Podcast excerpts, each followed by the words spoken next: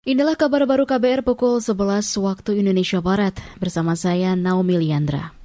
Pemerintah bakal terus mendorong peningkatan produksi pangan untuk mendukung pemulihan ekonomi. Menurut Menteri Keuangan Sri Mulyani, anggaran ketahanan pangan sejak lima tahun terakhir terus menurun.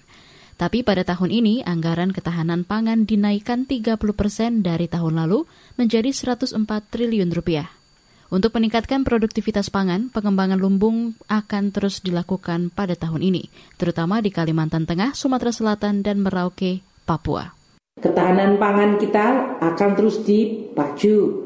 Adanya pembukaan lahan yang baru maupun untuk meningkatkan produktivitas dari lahan-lahan yang ada. Pemerintah akan juga mendukung korporatisasi dari kegiatan pertanian Menteri Keuangan Sri Mulyani juga memaparkan sejumlah target produksi komoditas pangan. Di antaranya, produksi padi ditargetkan mencapai 54 juta ton, jagung 23 juta ton, kedelai kurang dari 1 juta ton, dan produksi daging hampir 5 juta ton. Pemerintah juga menargetkan pembangunan 10 unit bendungan air baru pada tahun ini, termasuk penyelesaian pembangunan 43 bendungan lainnya. Pemerintah juga akan merehabilitasi jaringan irigasi hingga seluas hampir 4.000 hektar di seluruh Indonesia.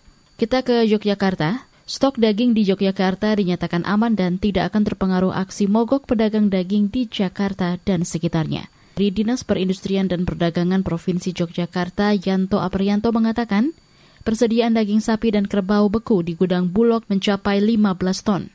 Stok itu cukup untuk memenuhi kebutuhan daging masyarakat Yogyakarta dan tidak akan menimbulkan gejolak harga. Saat ini harga daging sapi di Yogyakarta masih stabil berkisar antara 110 sampai 120 ribu rupiah per kilogram.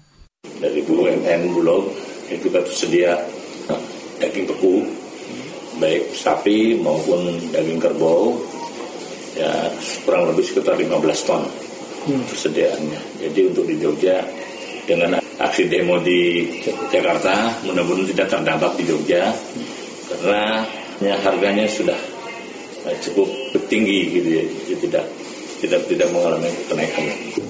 Kepala Bidang Perdagangan Dalam Negeri Dinas Perindustrian dan Perdagangan Yogyakarta Yanto Aprianto menambahkan, permintaan daging sapi di Yogyakarta paling banyak disalurkan untuk sektor perhotelan, restoran, dan catering.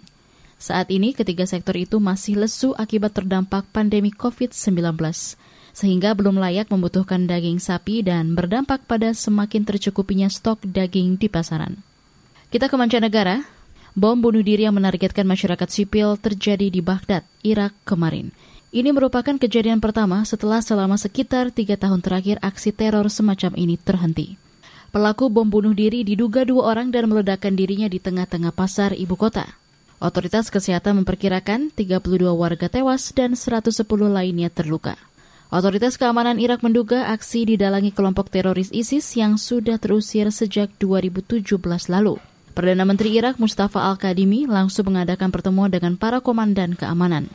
Dalam pertemuan itu, Kadimi memecat sejumlah pejabat, antara lain Komandan Utama Keamanan dan Kepolisian, Wakil Menteri Dalam Negeri Urusan Intelijen, serta Direktur Kontraterorisme dan Intelijen di Kementerian Dalam Negeri. Demikian kabar baru KBR, saya Naomi Liandra.